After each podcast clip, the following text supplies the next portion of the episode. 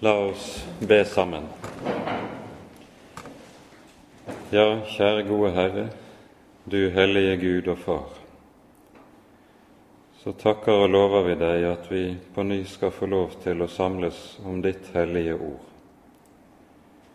Og så ber vi, Herre, om den store nåde at du selv må være hos oss her vi er samlet, at du må sende din Hellige Ånd og tale til oss, åpne ordet ditt for våre hjerter, slik at det også kan gjøre sin gjerning i oss og med oss og bære frukt for deg.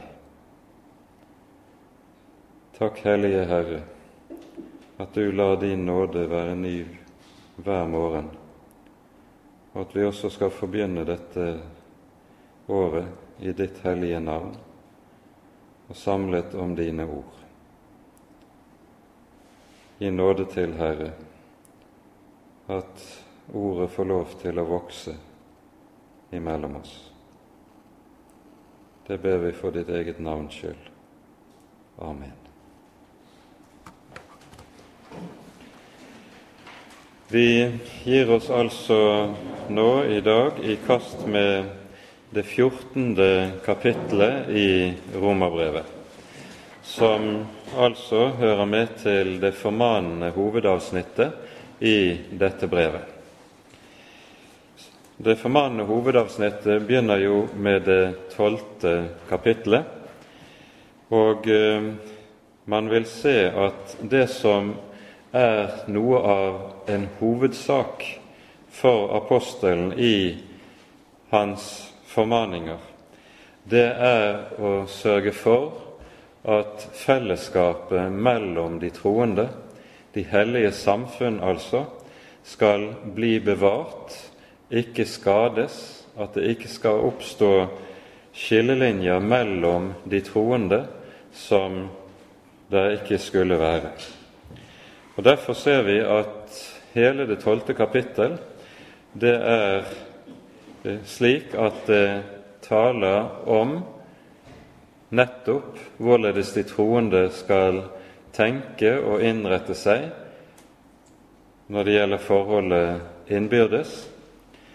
Og så Når vi kommer til det 13. kapittel, så møter vi et mer eh, vi kan kalle det allment avsnitt, som taler allment om de kristnes forhold i verden, og i første halvdelen om forholdet til statsmakten, som jo også er en viktig del, eller viktig side, ved livet vårt her i verden. Og så andre halvdelen av kapittelet dreier seg mer allment om kjærligheten og det å våke.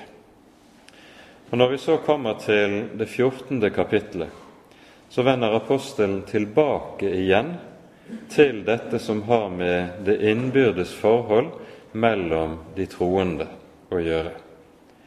Og Dette kapittelet handler i sin helhet om dette, og eh, samme hovedsak eh, fortsetter også inn i det 15. kapittelet. Så vi ser at bare ut fra en rent sånn eh, volummessig betraktning hvor mye spalteplass apostelen bruker på denne sak, nemlig det som har med den innbyrdes kjærlighet mellom de troende å gjøre, så forstår vi også hvilken betydning han tillegger nettopp dette. Ehm, vi finner det samme forhold gjenta seg i alle Paulusbrevene. Det som ganske særlig ligger ham på hjertet, er at de troende skal være forenet under det samme hodet, Kristus.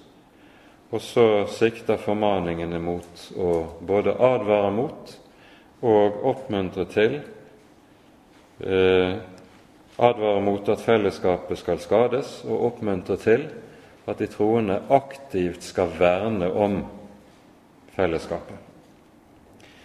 Og Med dette som inngangsord så leser vi de tolv første versene i kapittel 14.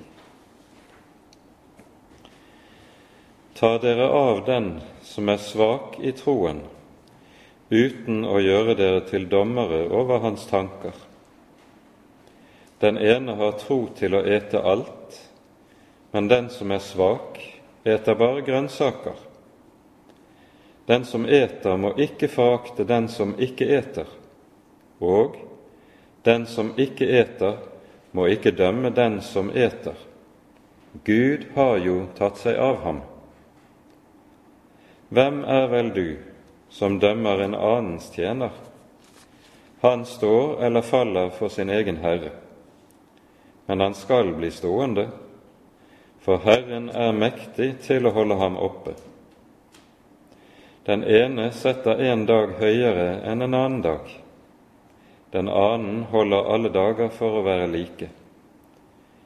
Enhver må bare være fullt viss i sitt eget sinn. Den som akter på dagen, gjør det for Herren, og den som ikke akter på dagen, han gjør det for Herren.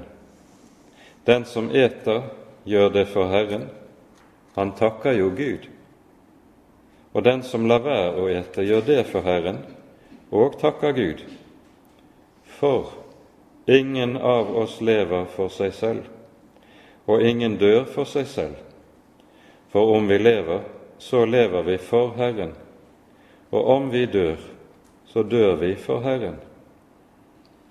Enten vi da lever eller dør, så hører vi Herren til. Derfor døde jo Kristus og ble levende igjen, for at Han skulle være Herre over både levende og døde.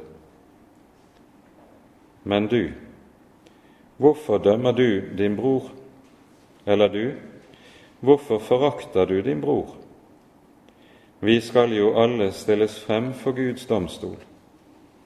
For det står skrevet:" Så sant jeg lever, sier Herren, for meg skal hvert kne bøye seg, og hver tunge prise Gud så skal da hver og en av oss gjøre Gud regnskap for seg selv. Amen.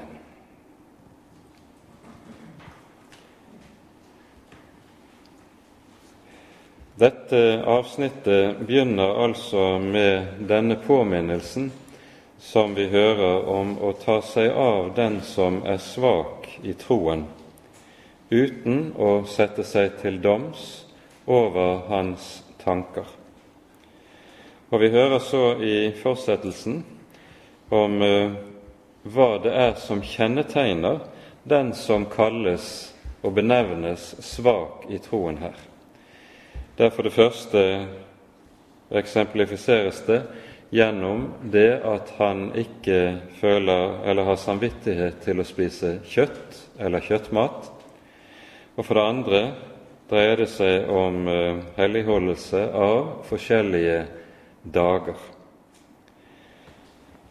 Det er tale om, slik vi forstår ut fra sammenhengen, at den svake har et manglende innsikt i og forståelse av hva den kristne frihet egentlig er og dreier seg om. Og denne manglende forståelse for hva den kristne frihet handler om, fører til at han har en overømfintlig samvittighet i forhold til ting som Guds ord ikke binder oss i. Um, bibelforskere har uh, grunnet mye over hva slags retninger eller bevegelser det muligens kan være tanke, tenkt på, og som ligger bakom disse som Paulus her omtaler. Noen har ment at eh, det er tale om en art asketisk bevegelse eh, i romermenigheten eh, som nettopp er preget av dette at de er vegetarianere, og mener det må være en rett holdning, også med tanke på forholdet til Gud. Andre har ment at det det dreier seg om i dette avsnittet, er det Paulus taler om i 1. Korinterbrevs 8. kapittel. I Korint hører vi nemlig om et særlig problem som dukker opp, nemlig når folk gikk på markedet for å kjøpe mat, og da særlig kjøtt, så var det gjerne slik at en del av kjøttet som ble solgt på slakterbodene, det var stammet fra dyr som hadde vært ofret i tempelet, og så eh, ble kjøttet da videreformidlet på markedet eller det åpne torget i byen. Og Så er det enkelte kristne som da frykter at de, hvis de skulle komme i skade for å kjøpe kjøtt som stammet fra en offerseremoni i tempelet, så ville de bli medskyldige i avgudsdyrkelse, ja, sågar risikere å komme i samfunn med onde åndsmakter. Og Så er det Paulus tar opp dette i 1. Korinterbrev kapittel 8, og også i, til en viss grad i det tiende kapittel. Og der gir noen enkle retningslinjer for dette. Han sier for det første vi vet at det finnes ingen avguder. Derfor behøver ingen kristen gjøre seg samvittighet med tanke på det kjøttet som han kjøper i slakterboden. Men dersom slakteren sier uttrykkelig til deg som handler der, dette er kjøtt som stammer fra offer i tempelet, da skal du ikke kjøpe det. Ikke fordi det i og for seg utgjør noen åndelig fare for deg, men fordi det kan være en fare for din bror.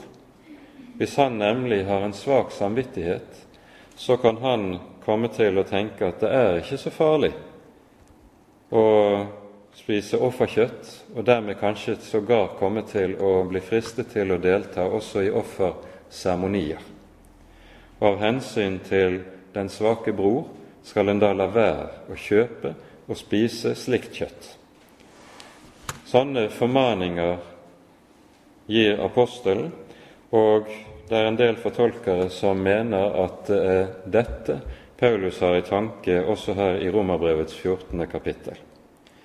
Sammenhengen gir ingen indikasjoner på at det er dette spesifikt han har i tanke. Eh, og Derfor er det også en antagelse.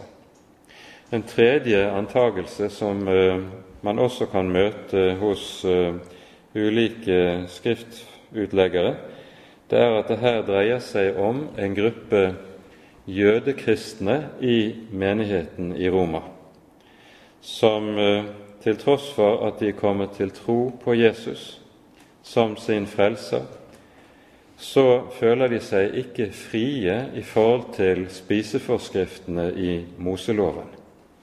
Og fordi det eventuelt kunne være vanskelig å oppdrive kjøtt som var kosher, rent ifølge de jødiske spiseforskriftene, så holder de seg til eh, vegetarkost, sånn som vi kunne høre det om Daniel i første kapittel i Danielsboken. Men Paulus konkretiserer dette ikke nærmere. Og Derfor tror jeg vi har lov til å anta at det Paulus taler om her, kan dekke alle tre grupper og ha sin anvendelse på alle de tre forholdene som her er omtalt. Vi er ikke nødt til å binde oss til én en enkelt og bestemt forståelse av det hele.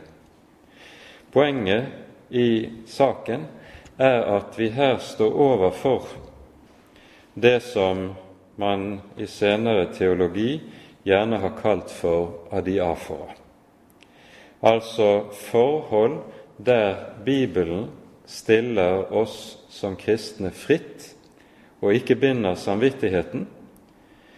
Eh, men så er det altså enkelte kristne som likevel ikke føler seg helt frie, og disse kalles da svake. Og Årsaken til at de kalles svake, det ligger i en manglende forståelse av hva den kristne frihet egentlig består i og handler om.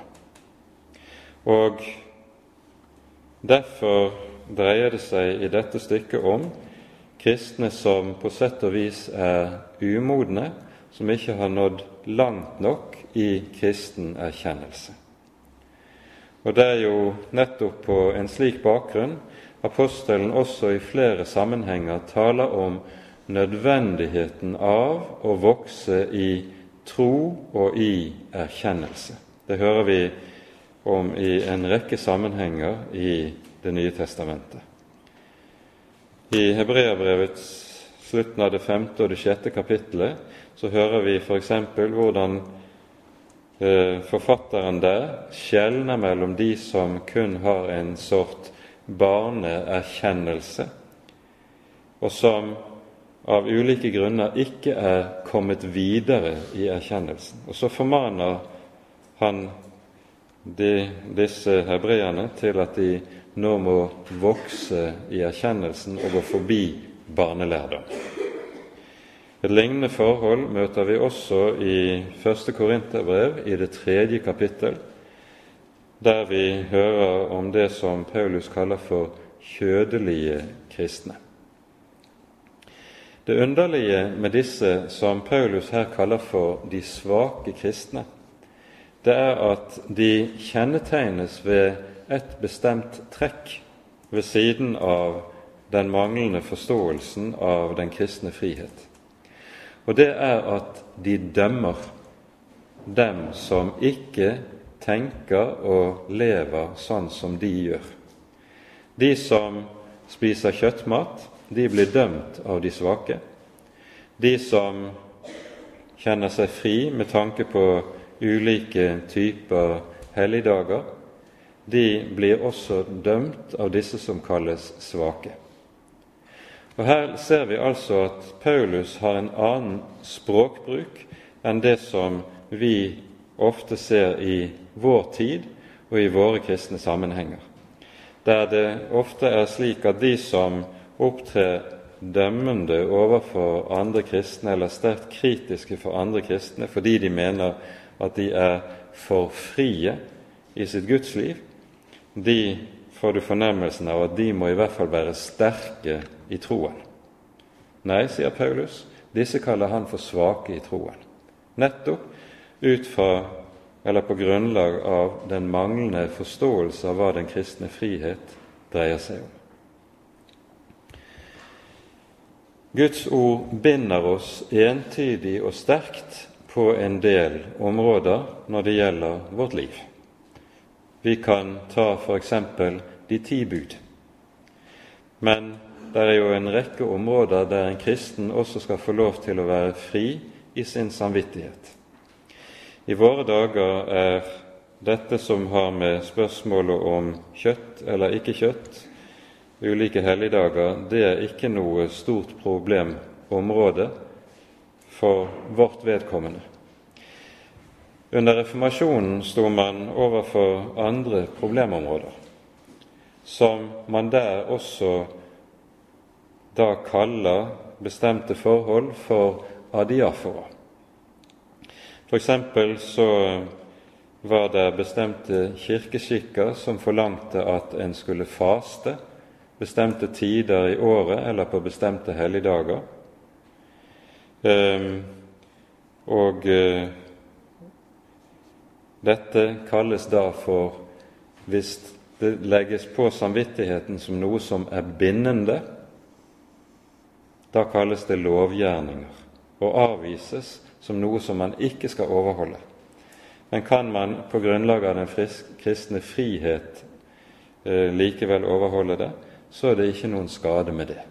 Det er ingen skade med verken å holde faste eller helligdager slik, men en må aldri tenke at dette er noe som samvittigheten er bundet av, og som en må overholde for å kunne bli frelst. Da blir det nemlig lovgjerninger.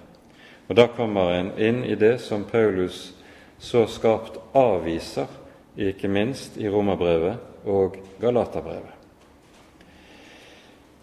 Dette som har med adiafora å gjøre Adiafora det er mellomting. Ting som altså Bibelen ikke binder våre samvittigheter i.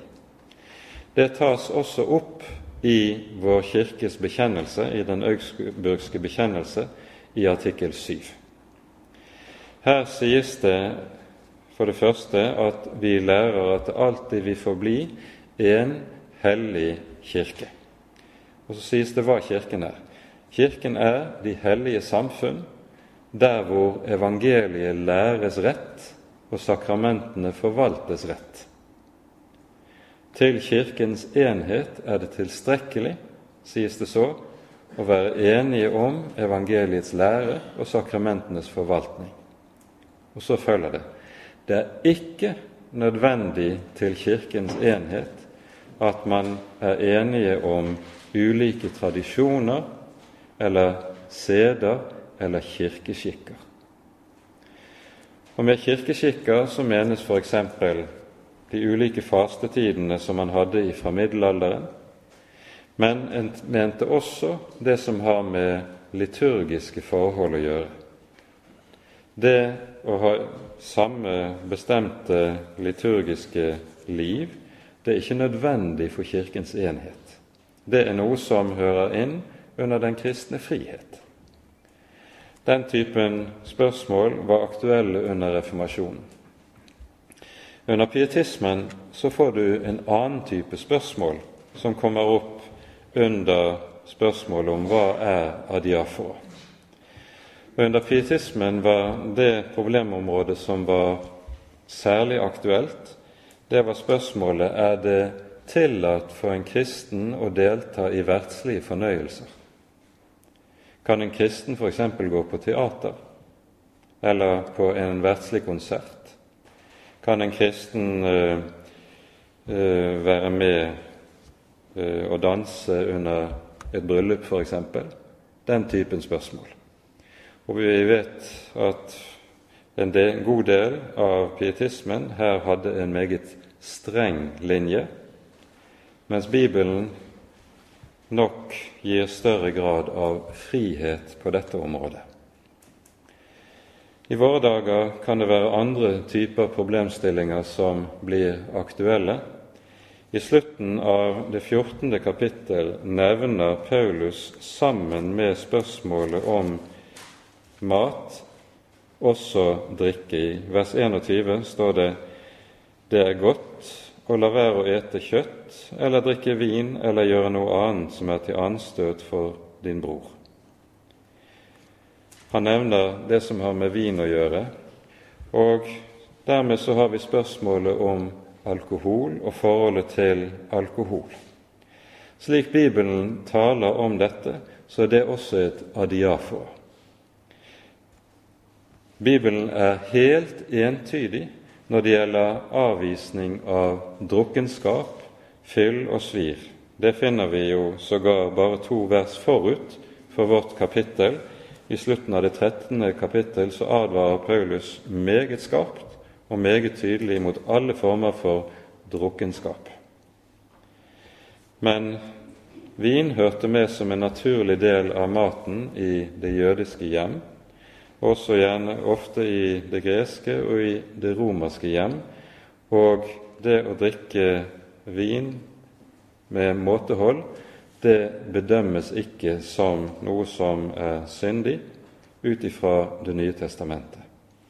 Men så lærer apostelen også meget tydelig, og her hører vi eksemplene når det gjelder mat i kapittel 14. Hvis jeg ved min mat fører min bror til fall, da vil jeg aldri i evighet ete. Og Det kan vi uten videre også overføre på nettopp det spørsmålet som har med forholdet til alkohol å gjøre.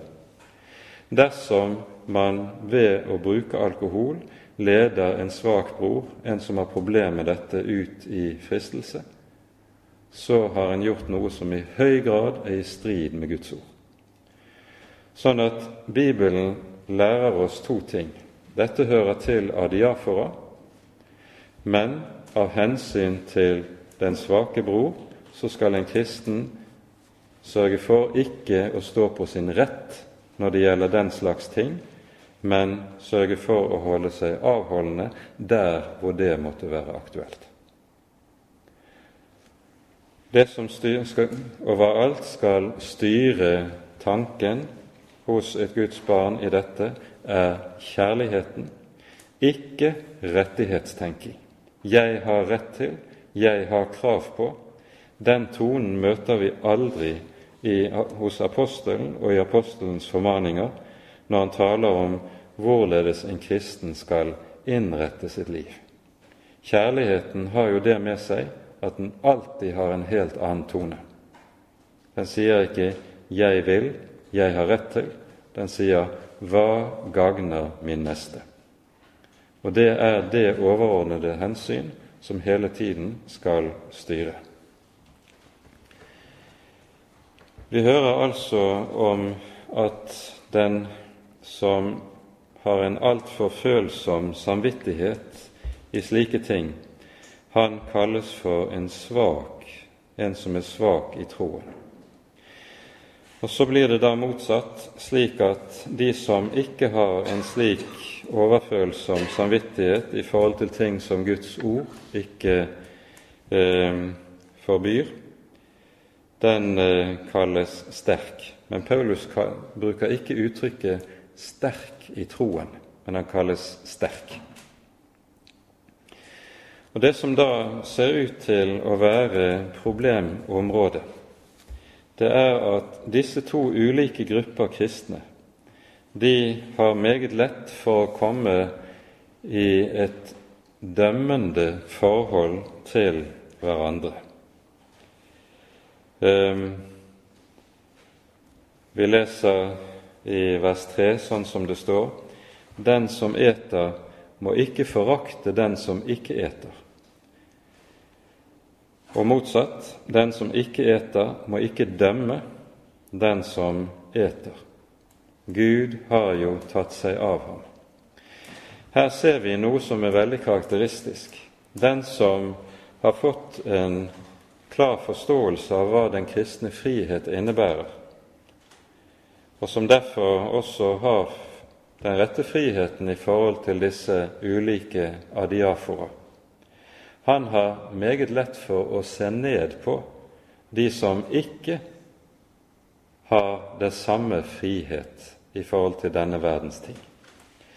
Det kommer inn en viss overlegenhet, en overlegen holdning, en viss nedlatende holdning overfor disse som er så trangsynte, og en kan møte lignende utsagn eller måter å forholde seg til på.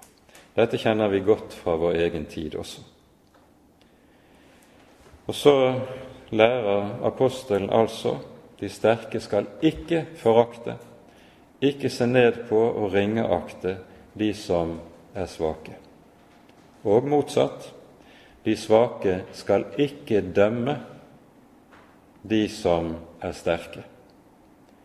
For, sier Paulus, Gud har jo tatt seg av ham.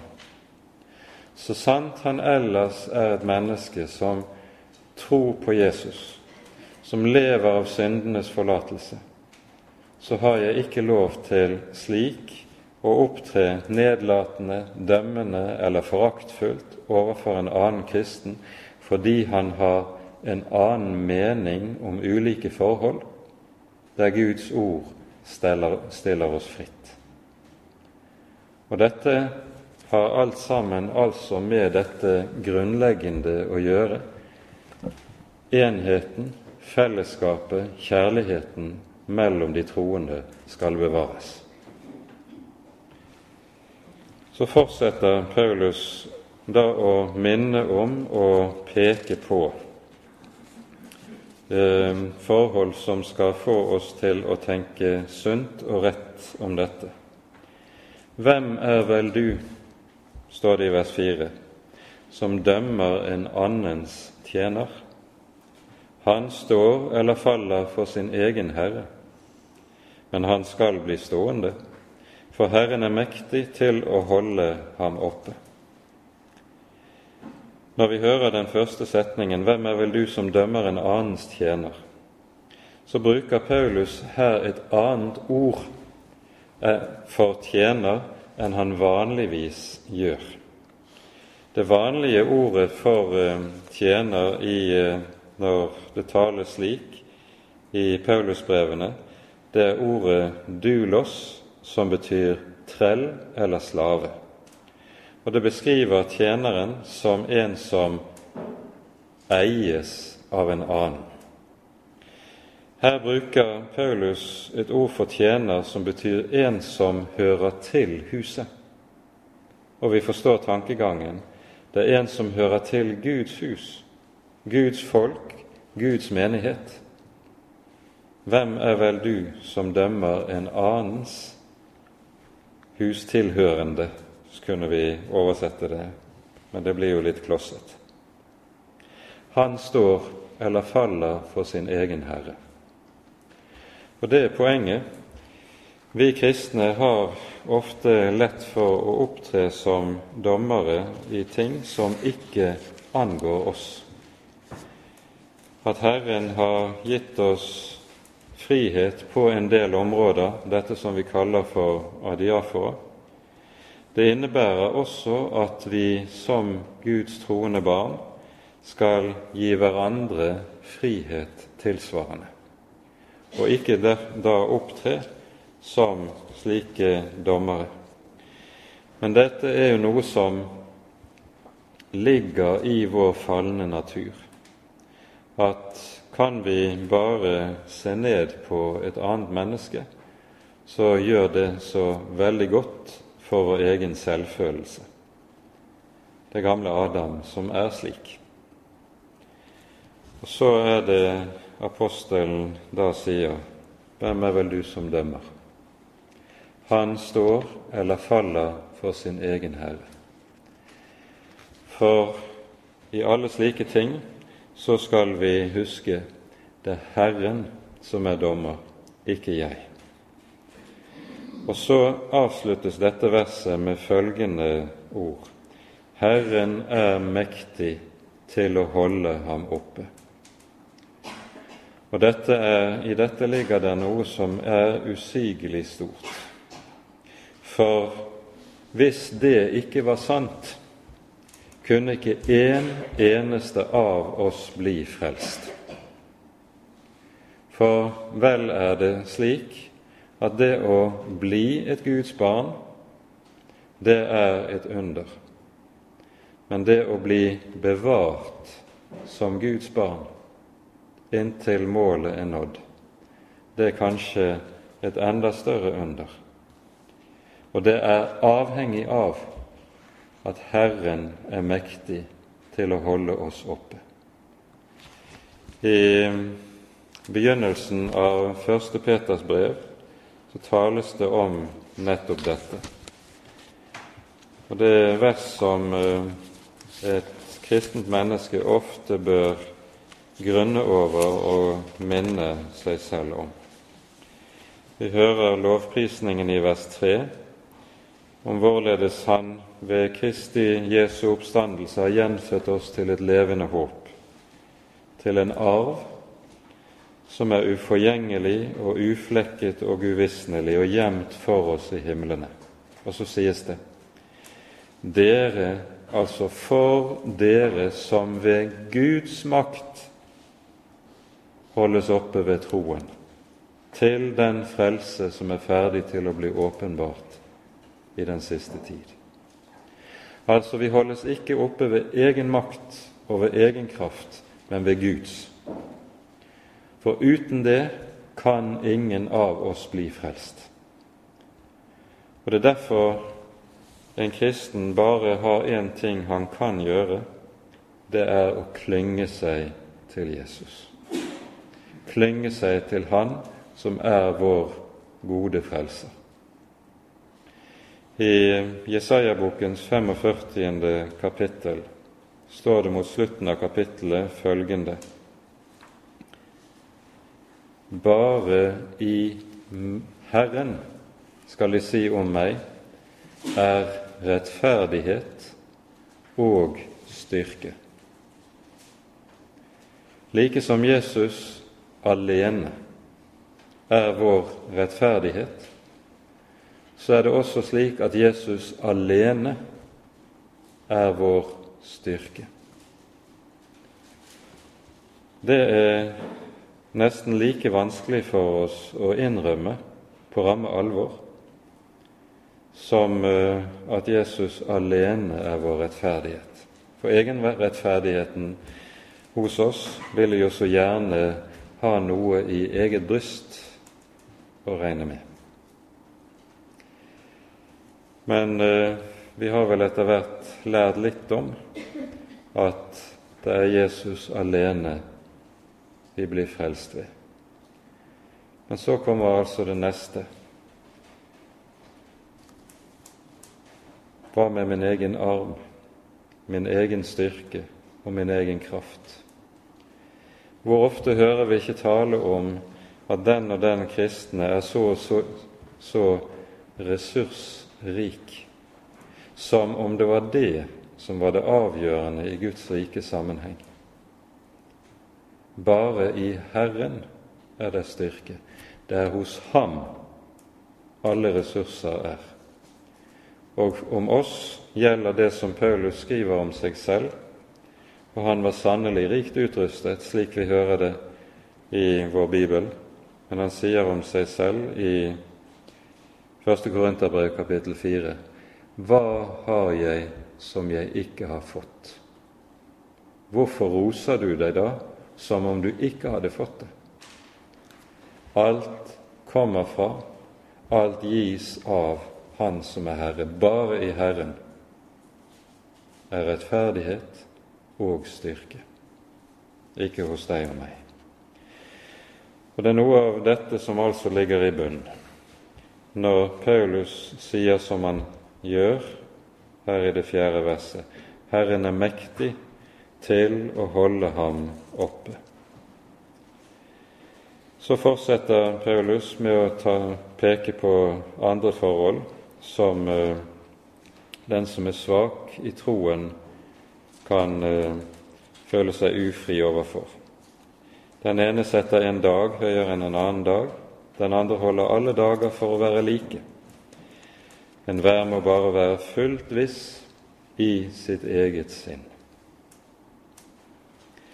Det det er tale om her, er antagelig at det har vært en viss diskusjon blant de første kristne når det gjelder helligdager og høytider. Og Da tenkes det nok ikke først og fremst på spørsmålet om sabbat eller søndag, men muligens på en del av de andre høytider som bl.a. Eh, var nedlagt i Mosebøkene. I Kolosserbrevet, i det annet kapittel, så er Paulus også inne på samme sak. Og vi hører han her sier i vers 16, Kolosserbrevet kapittel 2 fra vers 16. La derfor ingen dømme dere for mat eller drikke, eller med hensyn til høytider eller nymånedager eller sabbat. Dette er bare en skygge av det som skulle komme, men selve legemet hører Kristus til. La derfor ingen røve seiersprisen fra dere, om noen prøver på det ved ydmykhet eller engledyrkelse osv.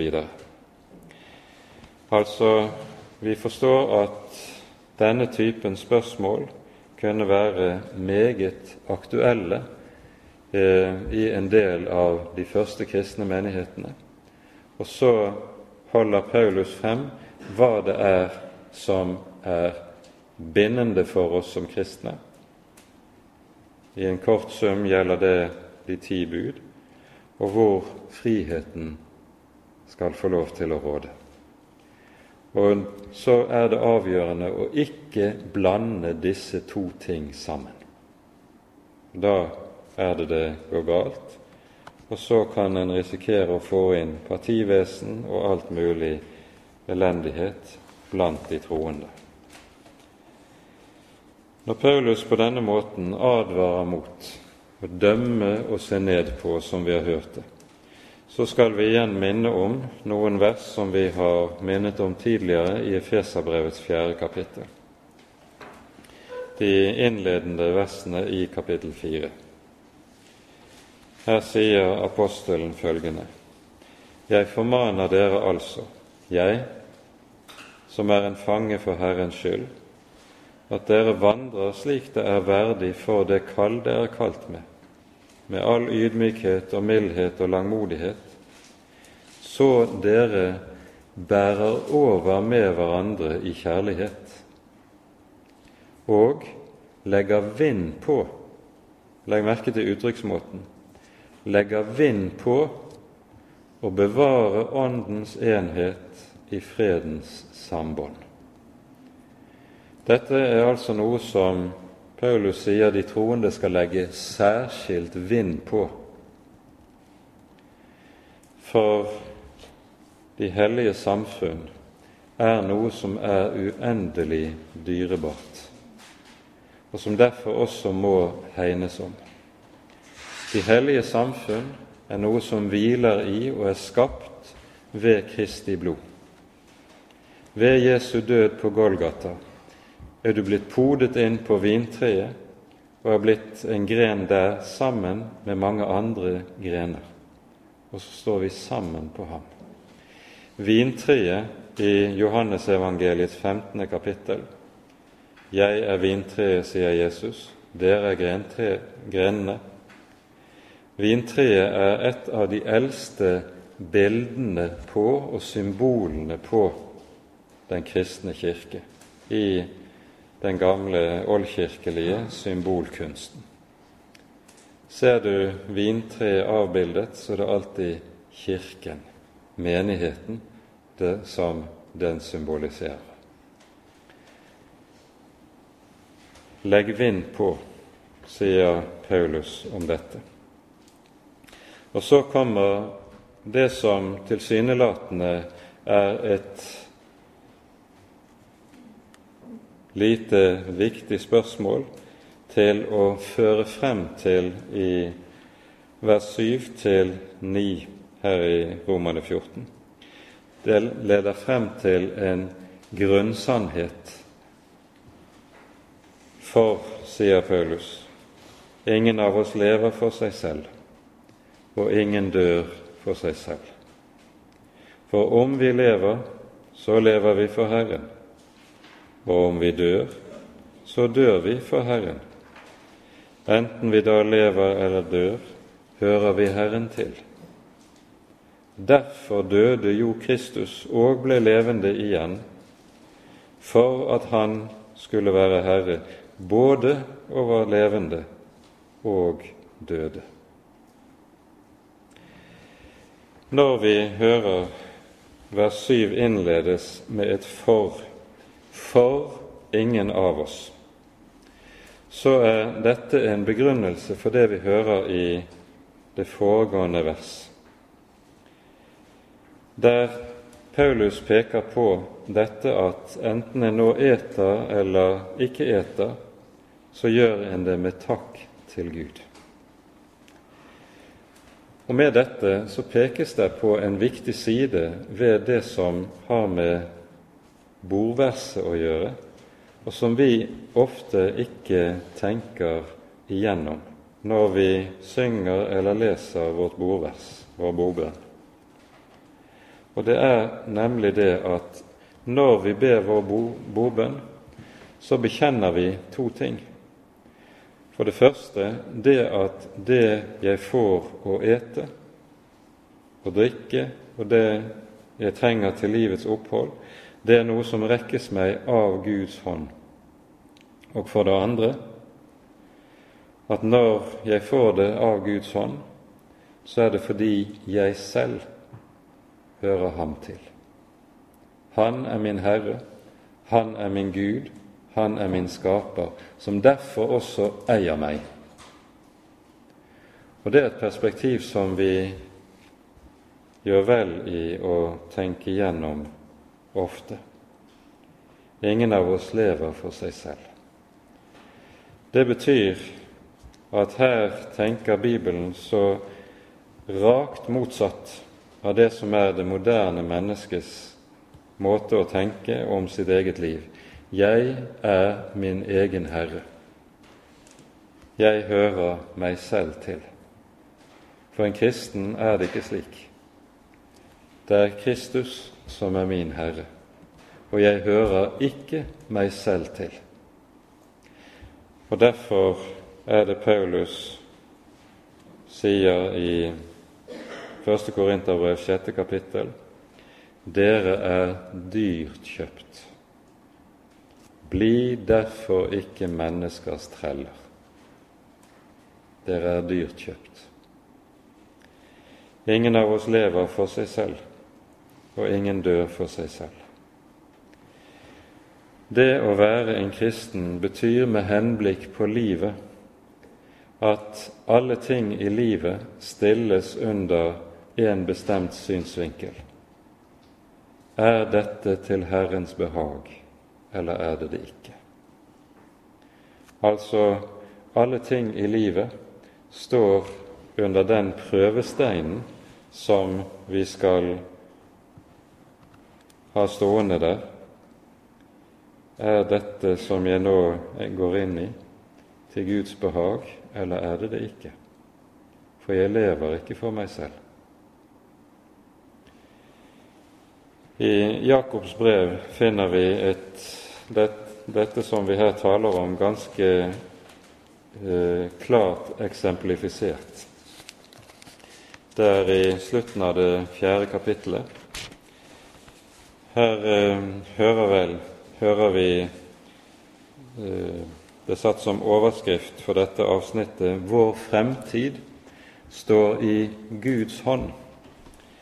Og så hører vi det står fra vers 13 av Nå vel, dere som sier 'i dag eller morgen drar vi til den eller den byen', vi skal bli der et år og drive handel og tjene penger.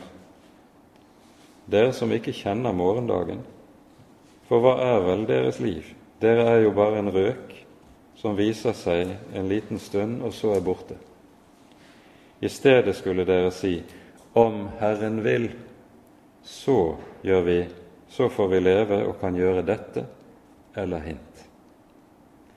Det det taler om her, og som Jakob tar opp, det er denne egenrådigheten, som lever som om Gud, Herren, ikke eksisterte, og derfor gjør alt mulig i livet uten å stille spørsmålet hva er Herrens vilje? Uten å legge veien som ligger foran, i Hans hånd og si Du, Herre, er min Gud, du er min hyrde, du er den som også må føre meg og lede meg og vise meg hva som er din vei.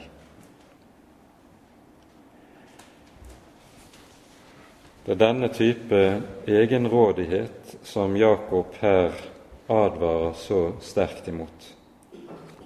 Og så skriver Paulus altså for ingen av oss lever for seg selv, og ingen dør for seg selv. For her gjelder det at liv og død står på samme grunnvoll. En kristen lever på det samme som han kommer til å dø på. Disse to ting henger sammen. For om vi lever, så lever vi for Herren.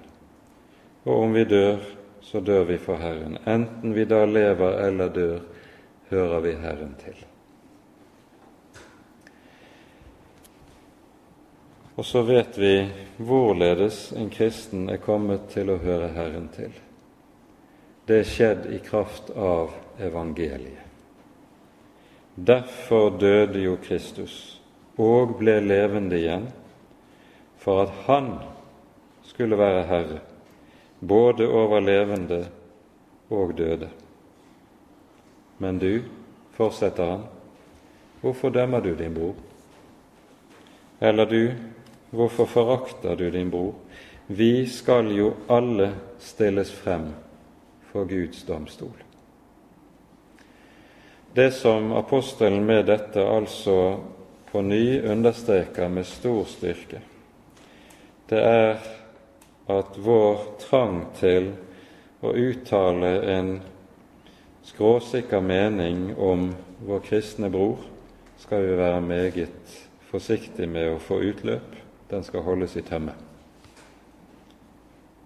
For, og det som ligger bak dette, vi skal jo alle stilles frem for Guds domstol.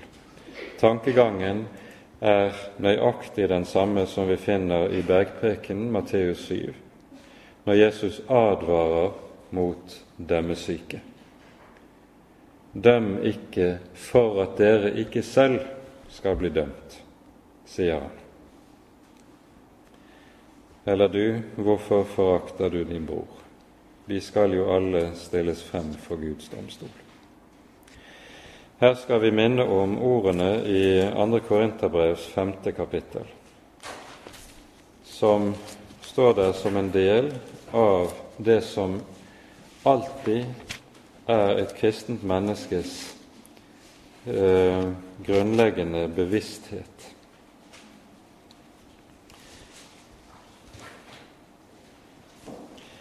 I 2. Korinterbrev 5 der leser vi fra vers 9 til 11. Derfor setter vi også vår ære i, enten vi er hjemme eller borte, å være Ham, altså å være Herren, til behag. For vi må alle åpenbares for Kristi domstol, for at enhver kan få igjen det som er skjedd ved legemet etter det han gjorde, enten godt eller ondt. Da vi altså kjenner frykten for Herren, søker vi å vinne mennesker, men for Gud er vi åpenbare. Og vi skjønner at dette at vi en dag skal møte Han som ser alt, Han som skal kalle hvert menneske til regnskap, og som har, er den eneste som har rett til det det skal skape besinnelse også i et kristent menneskes liv når det gjelder hvordan han omgås sin bror. Vi skal jo alle stilles frem for Guds domstol, mener apostlene. For det står skrevet:" Så sant jeg lever, sier Herren, for meg skal hvert kne bøye seg, og hver tunge skal prise Gud så skal da hver og en av oss gjøre Gud regnskap for seg selv. Det spørres med andre ord i dommen ikke etter hva jeg har ment om den ene eller den andre kristne. Da spørres det etter hvem er jeg, hvor har jeg vært? Når apostelen taler som han her gjør, så ligger det i dette en veldig understrekning av det at det er Herren alene som er Gud.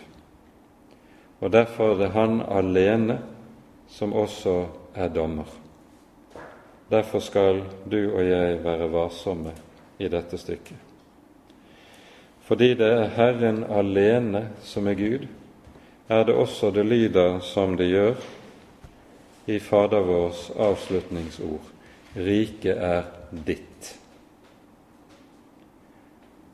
Det er ikke mitt.